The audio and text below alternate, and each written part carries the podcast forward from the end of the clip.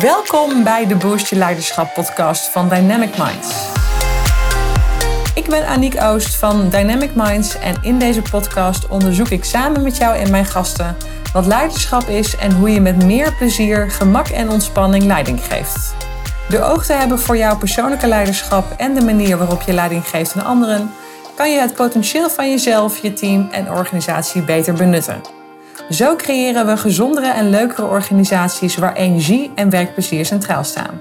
Meer energie op het werk en thuis, dat is het doel.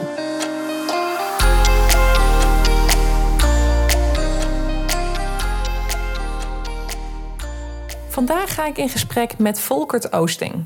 Volkert is van huis uit communicatiespecialist en heeft ruime ervaring met hoe communicatie de verbindende factor tussen mensen op de werkvloer is binnen organisaties.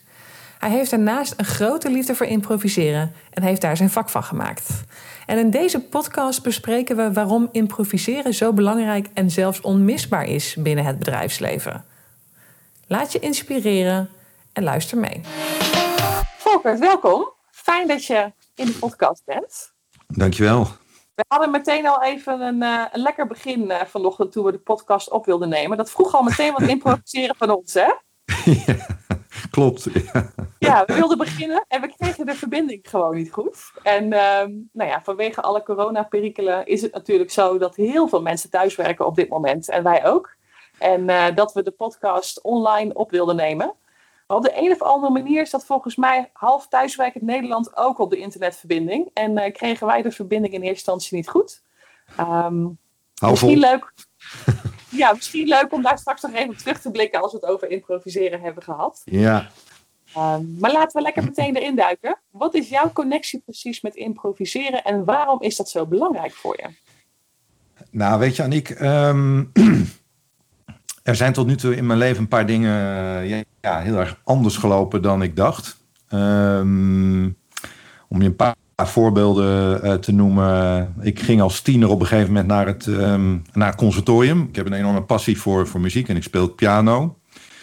En ja, uiteindelijk uh, was het dat gewoon niet. Ik, uh, ik vond het allemaal te spannend. Um, dus ik ben toen wat anders gaan doen. Uh, maar goed, ik speel nog steeds piano. Ik improviseer ook heel veel op de piano. En maak muziek in het hier en nu. Um, en ja, wat ook een heel belangrijk moment was in mijn leven waarop het echt anders liep, was toen ik op mijn dertigste in het ziekenhuis belandde voor een hartoperatie. Ik werd geboren met een uh, lekkende hartklep, zoals je dat noemt. En daar ging ook alles totaal anders dan verwacht. Overigens, ik ben, zoals je weet, gewoon supergoed gezond enzovoort. enzovoort. maar dat liep wel heel erg, heel, heel erg anders. Um, dus ook daar ja, is het ook uh, soms wel improviseren geweest. Door blijven gaan, ook al zijn de omstandigheden enorm lastig. Ja. En ja, misschien als laatste voorbeeld. Uh, ik, heb, ja, ik liep gewoon ook op een gegeven moment een paar keer onverwacht in een paar banen vast. Uh, ik heb veel ook in organisaties gewerkt. En nu weer, hè, in deze coronacrisis, is het ook weer improviseren. Ja ja, geblazen zou ik bijna willen zeggen. En je vroeg van waarom is improviseren belangrijk voor je, geloof ik ook nog. Ja.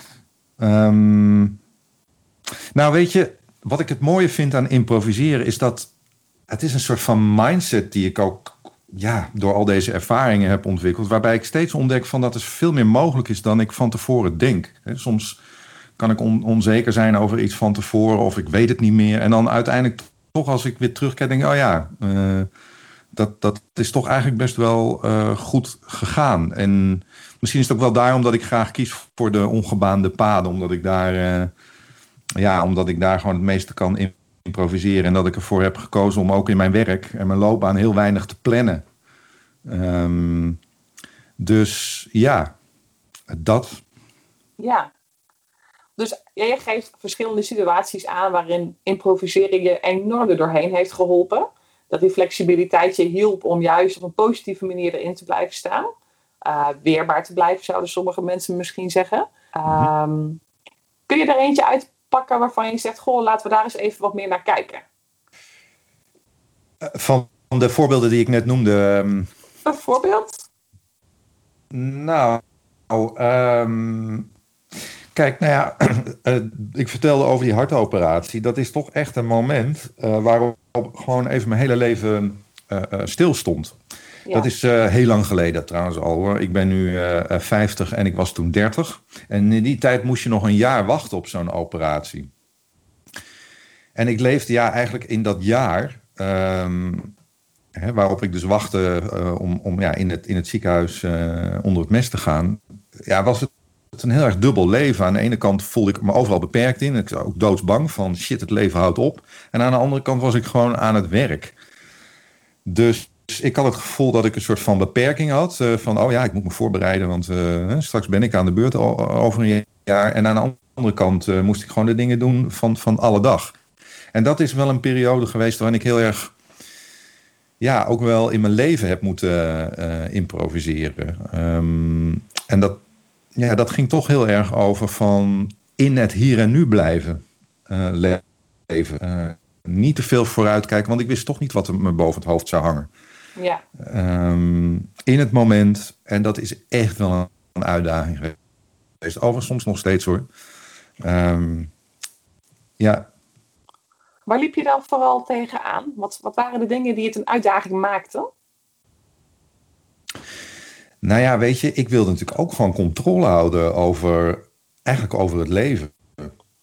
Zo van ja, uh, mijn eerste gedachte was natuurlijk uh, toen ik dat nieuws kreeg van, pff, weet je, dat ga ik niet overleven. Dus ja, wat kan ik allemaal doen om te overleven? Maar ja, daar kun je niks aan doen. Je moet, hè, je, ik moest me eigenlijk overgeven, ja, in dit voorbeeld in mijn leven, aan, aan, aan, de, aan de dokters, aan, aan, aan de specialisten. Terwijl, en dat was toch lastig omdat ik controle wilde houden. En dat is denk ik heel herkenbaar voor heel veel mensen, of het nou überhaupt is, hè, of je nou kinderen hebt of ouders of mensen om je heen. Het is natuurlijk het fijnste als je zelf kunt bepalen wat er gebeurt in je leven.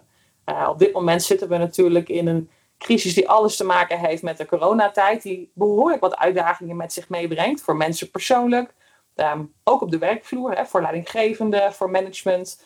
Uh, je loopt er heel veel dingen aan. Je kunt een heleboel dingen niet zelf bepalen. Um, Vanuit de overheid worden de richtlijnen aangegeven, vanuit uh, organisaties, corporate organisaties worden de richtlijnen aangegeven. We zijn best wel, uh, we moeten best wel afwachten eigenlijk. Hè? We hebben weinig, we hebben minder regie misschien dan dat we voorheen dachten te hebben.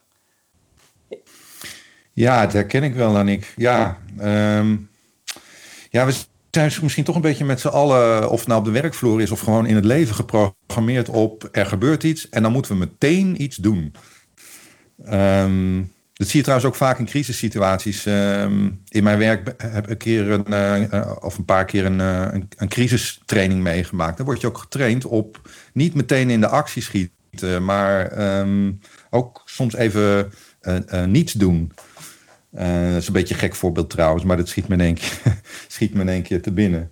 Terwijl we zijn geprogrammeerd om meteen de boel te redden. Ja. Het overleven zou ik bijna zeggen.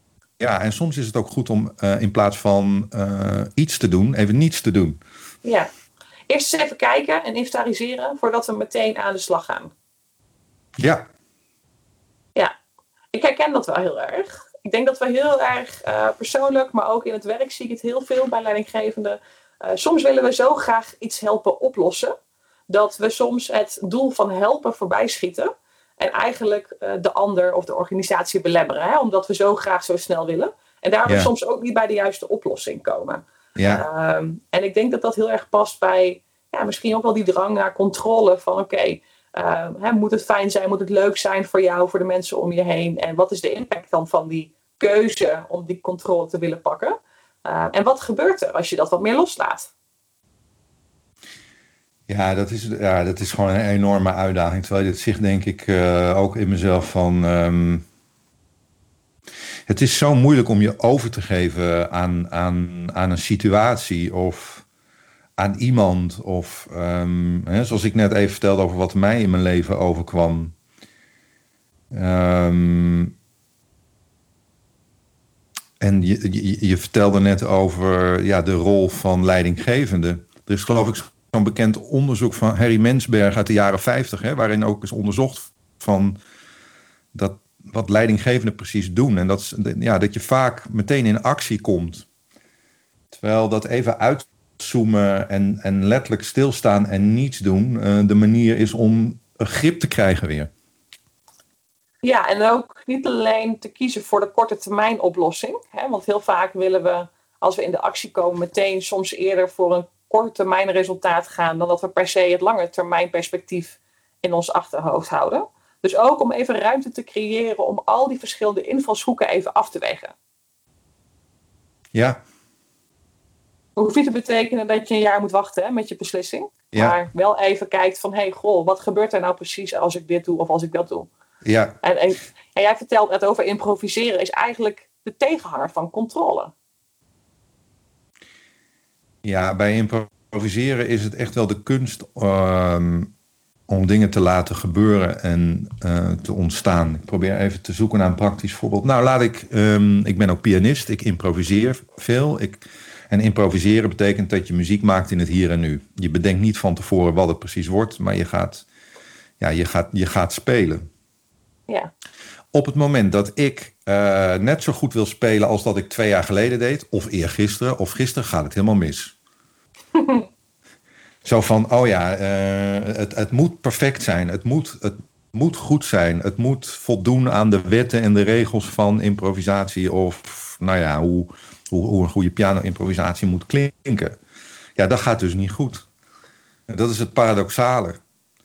Op het moment dat, dat ik uh, denk, ja, weet je, het kan me allemaal geen barst uh, schelen. Ik ga zitten, ik kijk wat er in het hier en nu ter plekke uh, achter al die witte en zwarte toetsen in me opkomt en ik ga dan spelen, dan gebeuren de meest onverwachte en mooie dingen. Ja. Dus dat improviseren is de manier om te leren, te trainen, controle los te laten eigenlijk. Ja, ja en ja, wil je die controle loslaten? dat, dat, je moet wel iets anders nog doen. Hè? Um, en dat, ja, hoe kan ik dat het beste noemen? Dat, dat gaat eigenlijk over um, betekenis geven. Dus als ik achter die piano zit om weer even dat beeld van al die witte en zwarte toetsen te pakken. En ik ga ter plekke real-time een muziekstuk bedenken waar publiek bij zit. Dan moet ik na elke noot me steeds afvragen: wat is de volgende noot? Wat klinkt goed? Wat, wat klinkt logisch? Ja. En net als dat wij dit gesprek voeren, ja, ik luister ook naar jou. Van wat, wat, hè, wat, wat, wat hoor ik? En wat kan ik daar vervolgens op, voor antwoord op geven? Nou, zo gaat dat ook met muziek. Dus dat real-time betekenis geven. In plaats van uh, ik heb een plan en dat ga ik doen. En uh, of uh, no matter what, ik voer het uit ja, dat is echt, wil je zeg maar die controle kunnen loslaten, dat is echt iets waar je aan moet werken. Ja, wat je wel kunt leren, als ik het dan ook voor jou hoor vertellen. Ja, improvisatie kun je absoluut leren. Sterker nog, zo zijn we gebouwd als mensheid. Uh, we zijn vindingrijke mensen. Dat, zie, dat vind ik nu ook zo mooi aan deze coronatijd. Of je het nou in de zorg ziet of in het onderwijs of met het thuiswerken. We doen allemaal dingen die we eerst voor onmogelijk hielden. Zelfs het klimaatprobleem is opgelost zonder al die vliegtuigen in de lucht. ja. Er ontstaan ineens andere mogelijkheden. Ja. ja. ja. Wat heeft het improviseren jou dan uh, specifiek gebracht? Uh, veerkracht. Uh, um, uh, veerkracht, ook al ja, zat ik in situaties uh, of zit ik in een situatie waar ik totaal niet weet wat ik ermee aan moet. Ik vind altijd een weg uh, naar, naar een oplossing. Een soort van, uh, van, van wendbaarheid. Het heeft me ook gebracht dat ik steeds beter leer en heb geleerd om met fouten om te gaan ik zeg ook wel eens, improvisatie heeft mij uitgekozen in plaats van dat ik het improviseren heb uitgekozen. omdat ik ook uh, nou, natuurlijk soms graag controle wil houden. Dus ik, ik, ik accepteer eigenlijk uh, door het improviseren ook van mezelf dat, um, uh, dat dingen fout mogen gaan. Ja. Ik, en ik hou van nieuwe dingen doen. Ja, dat betekent soms ook dat sommige dingen niet goed gaan. Ik moet ook in één keer denken aan Edison, hè, die de lamp uitvond. Ja. Die echt nou ja, zo'n bekend voorbeeld al die experimenten heeft gedaan, misschien wel duizenden, voordat hij die, die, die lamp had uitgevonden. Dus dat heeft mij zeker ook gebracht, het omgaan met, met fouten maken. Wat het mij ook heeft gebracht, is dat ik steeds meer uit mijn comfortzone uh, durf te stappen. En me bijvoorbeeld kwetsbaar um, uh, opstel. Um, hè, ik deel ook hier vandaag een deel van mijn persoonlijke verhaal. Nou ja, dat is ook altijd weer spannend om, om, iets, uh, om iets te laten zien van mezelf. Maar ik, ja, ik geloof heel erg in de kracht, zeker in deze tijd daarvan. En um, het heeft me ook heel veel dingen gebracht in de zin van ja, hoe, zal ik dat zeggen? Um, ik, heb in allerlei, ik, ben, ik heb in allerlei prachtige situaties gezeten. Soms waren ze moeilijk, soms waren ze juist super gaaf. Om, uh, ja, die, die, ik van tevoren nooit had kunnen bedenken. Om je een voorbeeld te geven. Ik heb um, twee jaar geleden mijn eerste cd opgenomen met een hele goede bevriende muzikant. Die, die nodigde me uit om de studio in te duiken. Ja, dat had ik echt uh, 15, 20 jaar geleden niet gedacht. Dat ik in een van de beste studio's van Duitsland een cd zou opnemen. Ja, hoe gaaf. Hoe gaaf is dat? Ja. Ja, het grappige is dat ik, ik hoor je het vertellen. En ik weet dat er een heleboel mensen luisteren die ook denken, dat is helemaal waar. Hij heeft helemaal gelijk waar ze het over hebben. Je kwetsbaar opstellen, jezelf laten zien. Uh, je moet fouten maken om weer vooruit te kunnen komen. We weten het allemaal eigenlijk wel. Alleen in de praktijk vinden we het toch lastig om dat dan ook echt op die manier te leven, merk ik. Hè? Dus uh, merk ik bij mezelf ook wel eens. Hè? Uh, maar ook zeker bij de mensen die we coachen, begeleiden. Uh, zie ik, ja, oké, okay, fouten maken. Maar het liefst doen we het toch wel meteen in één keer goed. Hè? Ehm, ja, kwetsbaarheid, ja, maar ja, goed. Ja, moet niet zo zijn dat ze misschien denken dat ik het niet weet. Ja. Ben jij er ook tegen aangelopen? Hoe ben jij daarmee omgegaan? Ja, in die zin is improviseren ook een beetje de kunst van het niet weten. Hè? Wat ik net vertelde over alle grip en controle loslaten toen ik daar voor het eerst in de studio zat. Ja, uh, ik weet nog dat, zoals je dat noemt, de sound engineer, de technicus mij vroeg. Nou, je weet wel hoe alles hier werkt. Hè? Er hing iets van twintig microfoons in de vleugel en allerlei apparatuur en techniek. En, uh, en, en ik zei, joh, ik ben zo maagdelijk als wat.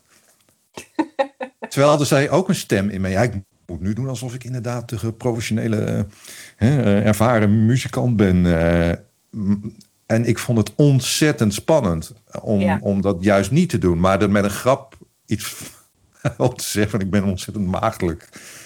Um, ja, wat waren de reacties daarop? Nou ja, hij moest vreselijk lachen. Hij moest vreselijk lachen. Het is een man die echt de grote helden van mij in Nederland en in Europa en sommige Amerikanen ook allemaal cd's mee heeft opgenomen. Hij moest vreselijk lachen.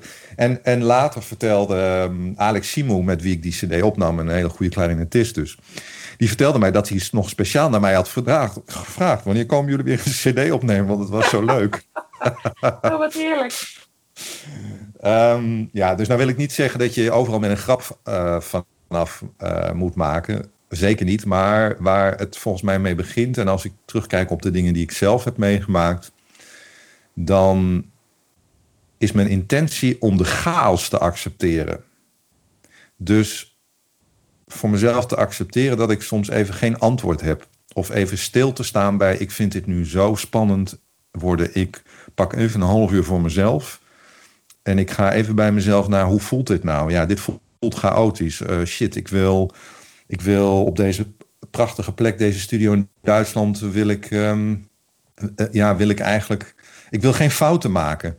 Het moet nu goed gaan, het moet nu goed gaan. Uh, dus stilstaan bij de chaos en eigenlijk, uh, ja, zoals een bekend Amerikaans schrijver wel eens heeft gezegd, yes, de mes, de, de, de, de, de, hoe zeg je dat? De, de, de chaos, omarm het, in plaats van de controle daarop uit te oefenen. Snap je wat ik bedoel? Ik snap het heel goed. En wat ik zelf, um, wat ik zelf heel erg heb gezien en ervaren en weet ook van groepen, is dat, dat op het moment dat jij iets voelt, je eigenlijk nooit de enige bent. Dus als jij die wanorde, die chaos voelt, is het heel vaak zo dat er meerdere mensen zijn in een groep, in een uh, omgeving, die dat ook ervaren. Alleen heel vaak hebben we het idee dat we de enige zijn. En het is dan zo krachtig als je dat dus wel woorden kan geven, zodat ehm, het eigenlijk open wordt gebroken en bespreekbaar wordt gemaakt. Dus enerzijds voor jezelf, ook in groep is dat een heel interessant uh, fenomeen. En levert het heel veel ruimte op als we het dus juist benoemen. Voor jezelf en voor de groep. Ja, snap ik. Ja, Nou, dat is ook kleur bekennen eigenlijk, hè? Absoluut. En dat kleur bekennen heb ik zelf uh, in de ervaring die ik tot nu toe heb gehad in organisaties. Ja, daar heb ik ook wel veel van. Ehm, hoe kan ik dat zeggen? Dat is, dat is best een uitdaging voor ons allemaal om kleur te bekennen. Dat je iets spannend vindt, dat je het niet weet. Um, en dat is juist in, in het improviseren is dat enorm uh, belangrijk. Als ik weer even die, die, die, dat voorbeeld, die metafoor, die parallel naar de muziek mag trekken. Je kunt iemand hebben die echt fantastisch tot de top van de wereld behoort. Technisch, technisch echt supergoed speelt. Terwijl ja, het ook best kan zijn dat zo'n zo'n zo'n zo'n muzikus, schiet me even geen voorbeeld te binnen nu, misschien zo nog wel, uh, dat je denkt, ja, hm, ik weet niet, het raakt me niet echt. Mhm. Vaak kan de imperfectie uh, raken. Juist de imperfectie um, doet het goed. Van imperfectie kun je ook leren. Hè? Dat, zegt, dat geldt bijvoorbeeld in de jazzmuziek, dat is natuurlijk de muziek bij uitstek. Uh, als je denkt aan improvisatie, is dat ook zo'n wetmatigheid. Zoals Miles Davis ooit zei, uh, de, de, de, jazz, de jazz-trompetist. Uh, if you are not making a mistake, it's a mistake. Ja. Omdat je als, je, als je die mistake, als je die fout niet maakt, leer je ook niet. Kom je ook niet verder. Dus daar kleur in bekennen uh, als je een fout maakt, kleur bekennen dat je, dat je die fout hebt gemaakt naar de ander toe. Uh, ja, dat is een, een, hele belangrijke wetmatigheid ook in het uh, improviseren. Ja. Ja, dus het laat iets zien over hoe we toch op een bepaalde manier in elkaar steken. Bepaald verlangen hebben naar misschien controle. Geen fouten maken, terwijl het juist zo krachtig is om juist ruimte te geven aan de chaos. Exact. Daar begint alles mee in het improviseren. Ja. Ja. Als we dat even naar, uh, naar jou brengen. En welke mogelijkheden biedt improviseren jou dan? Uh, waarvan je denkt, ja, dat is de reden waarom iedereen dat zou moeten doen. Um, nou, ik merk bijvoorbeeld dat ik veel meer mijn talenten nu gebruik. Ik heb jarenlang eh, heb ik gedacht, ja, ben ik nu die professional uh, die uh, ik heb veel in, de communicatiewereld ook gedaan. Ben ik nu die communicatieprofessional? Ben ik de muzikant? Hè? zoals ik vertelde, ik heb in mijn tiende jaar een tijdje conservatorium gedaan. Um, en ik, ik zette de schotjes daartussen voor mezelf. En ik ja. dacht, nee, ik, ik stop daarmee. ik laat alles er gewoon zijn. Ik heb die talenten en ik leef ernaar. Ik gebruik die talenten. Dus um, heb ik bijvoorbeeld de afgelopen jaren heb ik binnen organisaties en bedrijven heb ik uh, samen met Alex Simon, waar ik net over vertelde, met wie ik die CD opnam, hebben we allerlei sessies georganiseerd over de mindset van het improviseren. Ja, ja. Aniek, dat had ik, dat had ik 15 jaar geleden ook niet bedacht. Ja. Dat ik dat zou gaan doen. Maar doordat ik, doordat ik ja zei, mezelf toestemming gaf om ook die muzikant in mezelf te leven, ja. Uh, ontstonden daar prachtige uh, sessies, uh, trouwens ook over, over, over leiderschap. En, en vertelde ik daar op een gegeven moment ook aan groepen mijn, mijn persoonlijk verhaal. Nou, dat deed ik echt in het begin met knik in de knieën, kan ik je zeggen. Dus ik leerde ook nog eens om mijn kwetsbaarheid te laten zien daarin. Ja. Ja, dus het brengt je eigenlijk op plekken waar je misschien nooit was gekomen of waar je nooit over had kunnen dromen als je alleen maar dat pad had gevolgd wat je in je hoofd had. Ja, dat, dat is ook het paradoxale. Uh, dat, dat heb ik zelf ook heel erg van. Aan de ene kant wil je controle hebben en, en verlang je misschien wel naar iets. Uh, hoe kan ik dat zeggen? Verlang je naar iets nieuws, hè? -huh. uh, verlang je ernaar om je hart te volgen, ik zeg maar wat. Uh, en je komt daar alleen door die controle op te geven. Uh, en je kunt van tevoren ook niet eens bedenken. Uh, zie ook weer deze coronatijd, wat er allemaal mogelijk is. Als je, als je zeg maar niet, um, ja, niet die, die chaos accepteert of die controle even loslaat. Ja, ja ik, ik hoor echt mensen letterlijk zeggen ik wilde eigenlijk niet dat, we, dat er zoveel mensen thuis gingen werken. En wat blijkt het nu een goede oplossing en een zegen te zijn misschien wel. Sterker nog, we gaan het in de toekomst nog wel veel vaker doen. Dus er gebeuren allemaal dingen waar niemand ooit aan had kunnen denken. En op het moment dat je dat dus weet, improviserenderwijs daarmee om te gaan, met de juiste mindset, dan is er ineens heel veel mogelijk. Zelfs binnen zo'n situatie. Precies, en dan ga je dus ook, um, daar trigger je me ook even op, hè? je gaat dan ook meer experimenteren en uitproberen. Ja. Kijk, eigenlijk is improviseren een extreme vorm van werken zonder plan. Dat, dat, dat is niet helemaal zo hoor, want je hebt, je hebt wel degelijk, misschien hebben we het daar straks nog even over, je hebt nog wel degelijk een paar dingen die je praktisch goed moet, moet, moet regelen. Ja. Maar het is, een extreme, het is een extreme vorm van werken zonder plan, waar je ruimte maakt aan de ene kant om uh, samen aan je taak of aan, je, nou, aan het resultaat te werken waar je naartoe wil. Dus performen. Hè? En aan de andere kant ruimte maakt om, uh, terwijl je aan het performen bent, um, te experimenteren. Ja. Dus stel, stel je voor dat je in een prachtige concertzaal zit. Ik hoop echt dat ze zo snel mogelijk open gaan. Uh, maar goed, dat is een zijstap.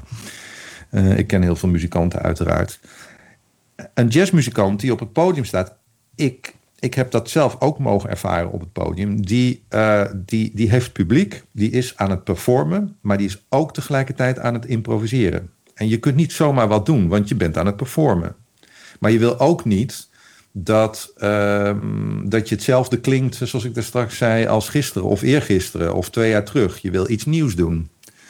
En ja, dat is een. Um, ja, dat is een fenomeen in het improviseren waar volgens mij ook heel veel kansen liggen voor, uh, voor organisaties en teams. Ja. ja, want laten we het daar eens even over hebben. Hè? Organisaties, teams, leidinggevenden. Wat is er voor hen te halen als zij meer aandacht zouden besteden aan improviseren? Nou, um, dus, er zijn een paar dingen die me opkomen. Eén is het maakt je flexibeler. Mm -hmm. um, je creëert ruimte en een soort van cultuur om veel meer out of the box te gaan. En out of the box te gaan betekent dat je, nou ja, dat je, dat je, dat je vaker zonder een vast online plan uh, werkt. Um, het brengt volgens mij ook, of volgens mij, dat weet ik wel zeker, um, dat je veel meer van elkaars talenten gebruik maakt. Ja. Ook elkaars verborgen talenten.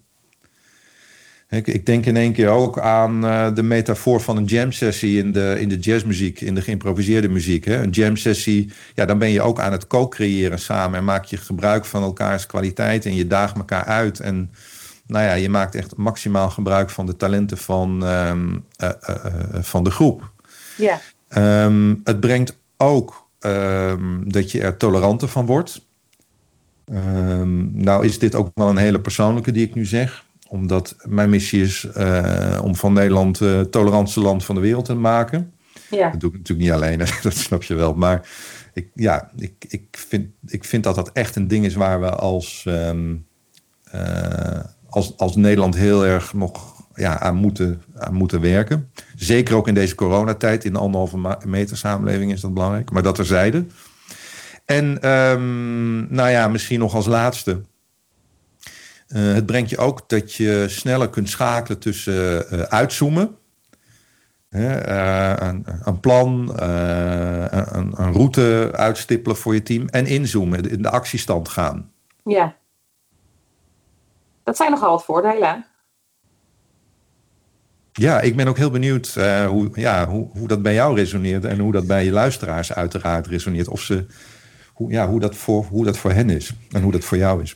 Ja, ik, uh, ik snap heel goed wat je omschrijft. Wat ik heel vaak zie in organisaties, in teams, in afdelingen, is um, dat um, er veel meer mogelijk is als we veel meer met elkaar afstemmen en communiceren. Wat iedereen ziet, wat iedereen opmerkt, um, hoe het ook zou kunnen. Dus dat er echt ruimte is voor een ander geluid bijvoorbeeld. Hè? Ik wil jou zeggen tolerantie. dat er ruimte is om ook op een andere manier naar situaties te kijken. Dat er gehoor wordt gegeven aan medewerkers die dingen signaleren bijvoorbeeld. Ehm, ik merk dat als bijvoorbeeld leidinggevenden leren hoe ze dat meer op kunnen halen uit een groep. Hoe ze die safe space kunnen creëren voor een team of voor een afdeling of echt voor een organisatie. Waarin dat soort informatie opgehaald wordt. Is het bovendien ook eigenlijk veel lichter werken, veel makkelijker werken voor die leidinggevenden. Dan wanneer ze zelf al die informatie zelf moeten gaan bedenken en op moeten gaan halen. Terwijl ze eigenlijk zo'n soort van. Uh, vijver hebben met allemaal goede ideeën, input, et cetera. Alleen je moet wel weten hoe je de mensen op de juiste manier um, aan kunt spreken, zodat hun talenten ook naar boven kunnen komen. En hoe je op de juiste manier een groep bij elkaar kan brengen en die veilige setting kan creëren. En ehm, eh, wat ik merk is dat heel veel leidinggevenden dat in de praktijk lastig vinden. En als gevolg daarvan zelf bijvoorbeeld heel hard gaan werken of uh, misschien maar een gedeelte uit de groep op weten te halen. En um, dat is gewoon hartstikke zonde, want eigenlijk al die voordelen die jij omschrijft, um, die zijn zo mooi en die zijn zo waardevol. En als je dus beter weet hoe je daarop in kan spelen, wordt het voor jou als leidinggevende makkelijker. Sterker nog, het wordt ook makkelijker om dus de talenten van je mensen te benutten. En uh, als, uh, als team of echt als afdeling of als organisatie gewoon een, een veel mooier resultaat ook neer te zetten. En dat kan gaan over hoe we ons voelen op de werkvloer, hoe we ons voelen in de groep. Uh, maar ook letterlijk over de resultaten. Want als er maar één iemand tussen zit die echt een briljant idee heeft, ook al is het misschien heel erg out of the box, dan kan je dat misschien ook letterlijk gewoon heel veel geld opleveren. Dus um, ja, ik zie helemaal wat jij bedoelt en ik uh, herken het ook enorm op de werkvloer. En ja. um, ik denk dat het heel waardevol is als, als elke leidinggevende, elk team daar aandacht aan besteedt. Van oké, okay, hoe kunnen we rekening houden met die verschillende geluiden, letterlijk en figuurlijk hè, misschien wel. Um, en, en daar ruimte aan geven, omdat het zoveel uh, mooie invalshoeken oplevert. Ja, mooi dat je dat zegt. Want ik, ik, ik, ik realiseer, realiseer me ook. Um, ik, ik, ik snap ook heel goed dat als al die geluiden op je afkomen. Al, die, al, die, al, die, ja, al die dingen die op je afkomen. Uh, dat dat best ook een hele uitdaging uh, is. Er moeilijk kan zijn. Die chaos, die onzekerheid en die onduidelijkheid. Ja. En daarom uh, bepleit ik ook altijd dat het, dat het heel belangrijk is om, om laten we zeggen, je, je vaardigheid om te, om, om te improviseren, om, om die te trainen. En die kun je trainen. Uh, ook heel praktisch alle, uh, ja, op, de, op de werkvloer alle dag. Um, ja. Ik vind het een hele, hele belangrijke skill ook in deze tijd. En zeker nu we weer in deze corona, of weer in deze coronatijd zitten. Ja. ja heb je ook weer met die chaos, onzekerheid uh, te maken. En dat is, dat is complex. En, en die standaard oplossingen die je denkt hebben, ja, die werken dan gewoon niet meer. Nee. Ja, laten we het dus concreet maken. Hè? Dus als we nou zouden kijken, stel dat we drie tips zouden geven aan, aan de luisteraars van deze podcast over hoe je nou beter kan leren improviseren om je leiderschap verder te ontwikkelen. Dingen die ze bij wijze van spreken vandaag al toe zouden kunnen passen. Ja. Zou, zou je een paar tips kunnen geven? Nou, we hebben natuurlijk al een paar dingen uh, genoemd. Hè? Uh, uh, misschien nog even om die terug te pakken van reageer niet direct. Neem de tijd voordat je in de actie komt. werk nog vaker zonder een plan. maar spreek vooral af wat je intentie is als team. Ja. Ja. Wat je intentie is als team. Dat is een soort van minimale structuur, een minimale spelregel die je moet hebben. Ik zie dat zelf vaak ook als, de in, als je geen teamintentie hebt. Um, als je niet, hè, dat zie je in de muziek ook, in zo'n jam sessie. Als je niet de intentie hebt om, om, uh, om, om te performen en te, en, en te experimenteren op hetzelfde moment, dan wordt het best, dan wordt het best lastig. Dus dat, ja. dat zijn, dat zijn een paar dingen. Ja, die neus eerst dezelfde kant op eigenlijk, hè? Ja, maar dan lijkt het alsof iemand, uh, als je hem zo neerzet, Aniek, dan lijkt het alsof iemand zegt, nou daar is de stip op de horizon en uh, neuzen, kijk naar die horizon. Terwijl um, uh, ja, het ook gewoon belangrijk is om samen dat gesprek um, regelmatig op te zoeken over wat, wat was onze intentie ook alweer. Ja. En in welke situatie. En, en niet één keer per jaar of één keer in het kwartaal met een hijssessie daarbij stilstaan. Nee, gewoon af en toe bij het koffiezet af, apparaat wat dat betreft. Ja. Nou, ik, ehm, even als toevoeging, ik bedoel het niet als in de zin van uh, neus dezelfde kant op dat we allemaal dezelfde route moeten lopen. Juist die verschillende routes en inderdaad onderzoeken welke kant dan die neuzen op moeten staan. Alleen ja. uiteindelijk dat ze natuurlijk wel dezelfde kant op komen te staan. Um, linksom of rechtsom of hoe, ze dan ook maar, uh, hoe we dan ook maar doen. Um, zodat we wel hetzelfde voor ogen hebben uiteindelijk. Wel, via ja, welke route dan ook maar. Exact, exact.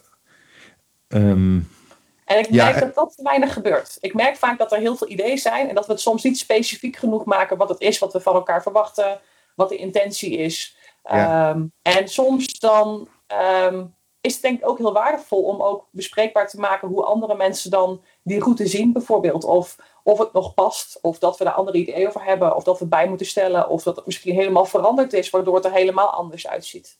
Ik vind het mooi dat je dat er even bijhaalt, want dat zou nog een tip van mij ook zijn. Stel vooral hele naïeve vragen aan elkaar.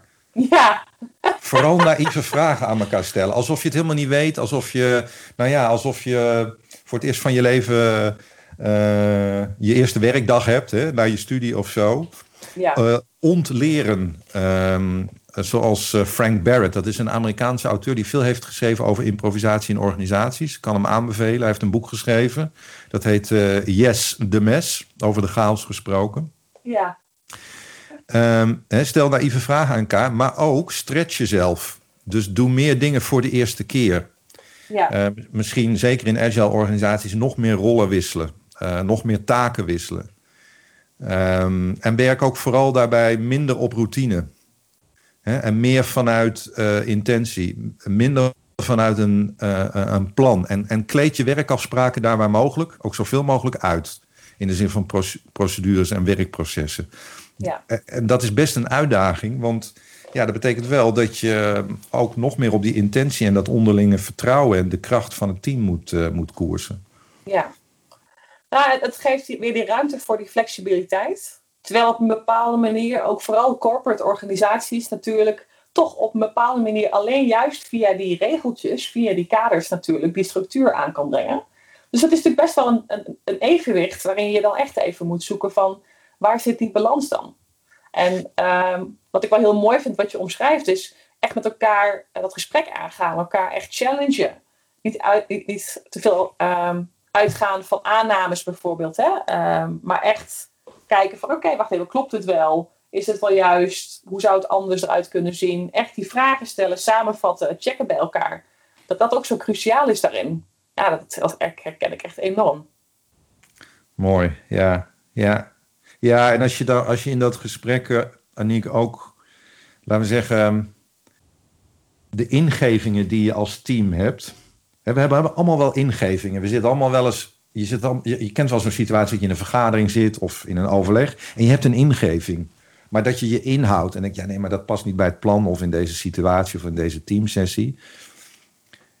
Dat, dat gevoel herkennen we misschien wel allemaal. Terwijl het, die ingevingen, die zijn juist heel erg vanuit het hier en nu. En die zijn super waardevol. Dus mijn tip zou ook zijn, verzamel die uh, ingevingen uh, zoveel als je kan.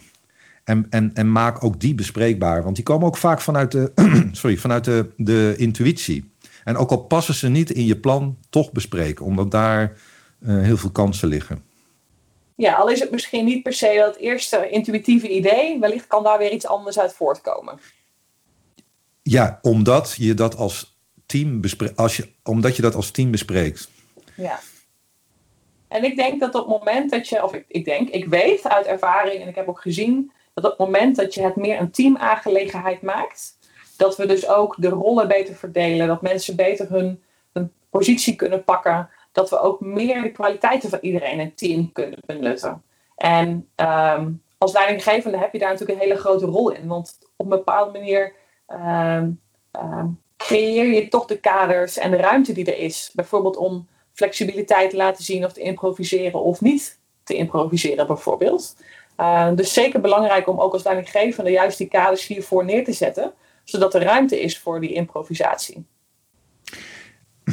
Ja, precies. En, dat zou, en het zou zelfs in de toekomst zo kunnen zijn, volgens mij. Um, maar ik kijk nu een beetje in een glazen bol. Um, die kaders die kunnen ook vanuit teams komen. Absoluut. En dat, als ik, die, als ik nog even die parallel mag trekken naar die jam sessie van jazzmuzikanten, daarin zie je dus ook heel veel wisselend leiderschap.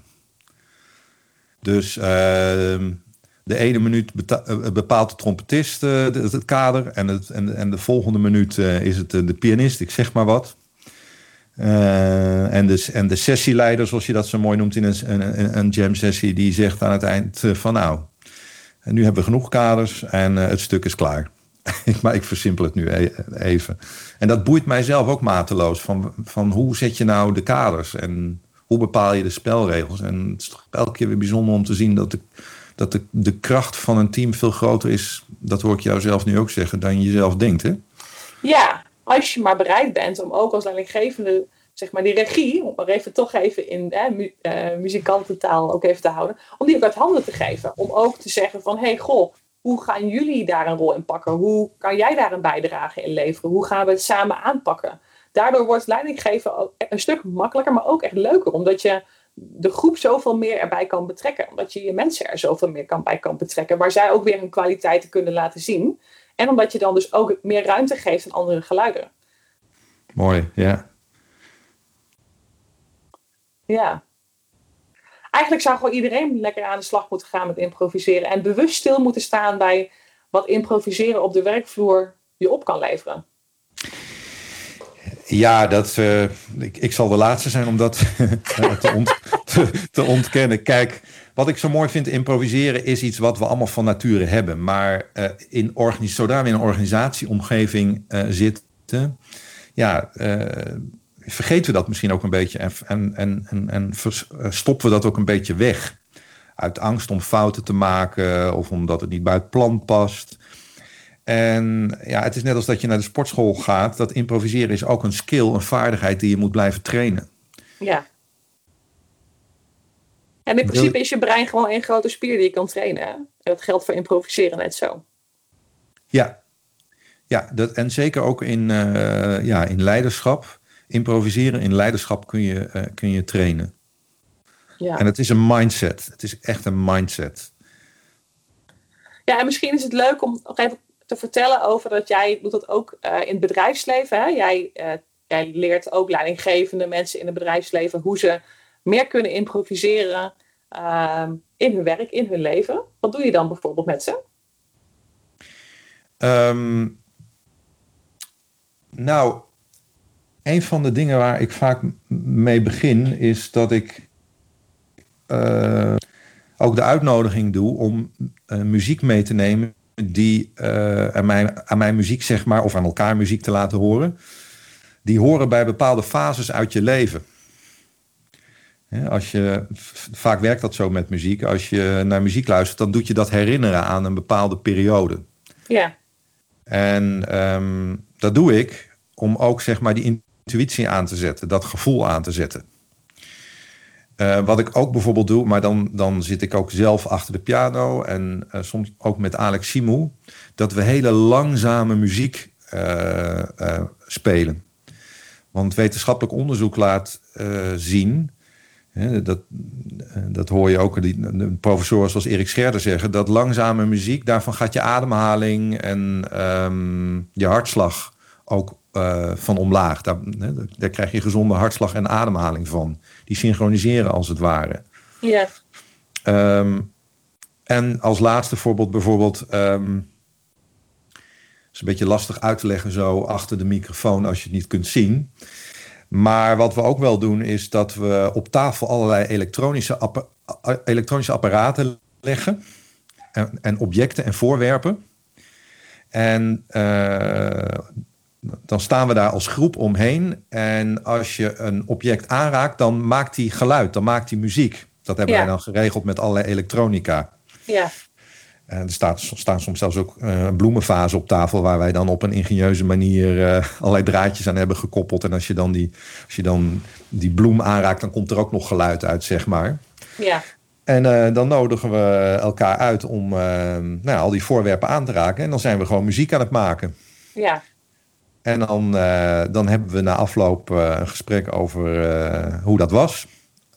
en dan ben ik elke keer weer verbaasd hoeveel impact het maakt dat als je nog nooit muziek hebt gemaakt, of nooit een instrument heb aangeraakt, hoe het is om. ehm, hoe, het, hoe het is, zeg maar, om in één keer wel muziek te kunnen maken. Ja, ja. En dan ook nog samen als, eh, als, als groep eh, om, om, om de tafel. ja. Nou ja, dus dat zijn van die dingen ehm, ja, die ik dan doe. En ook in situaties waar mensen, professionals bijvoorbeeld, eh, last hebben van, eh, van loopbaanstress. Dan helpt improviseren ook ehm, heel erg. Ja, eigenlijk is improviseren iets waar je dus eigenlijk met regelmaat aandacht aan zou moeten besteden om je persoonlijke leiderschap naar een hoger level te krijgen, om je team naar een hoger level te krijgen, je organisatie naar een hoger level te krijgen. En ehm, volgens mij zijn er voldoende tips voorbij gekomen in deze podcast waar iedereen mee aan de slag zou kunnen. Ja, ik raak natuurlijk nooit uitgepraat hè, als ik over dit onderwerp. eh, maar, dus daar is een hoop. Nee, absoluut. We hebben heel veel, eh, we hebben heel veel dingen gedeeld, eh Annick. Leuk. Ja, mag ik je heel erg bedanken. Graag gedaan.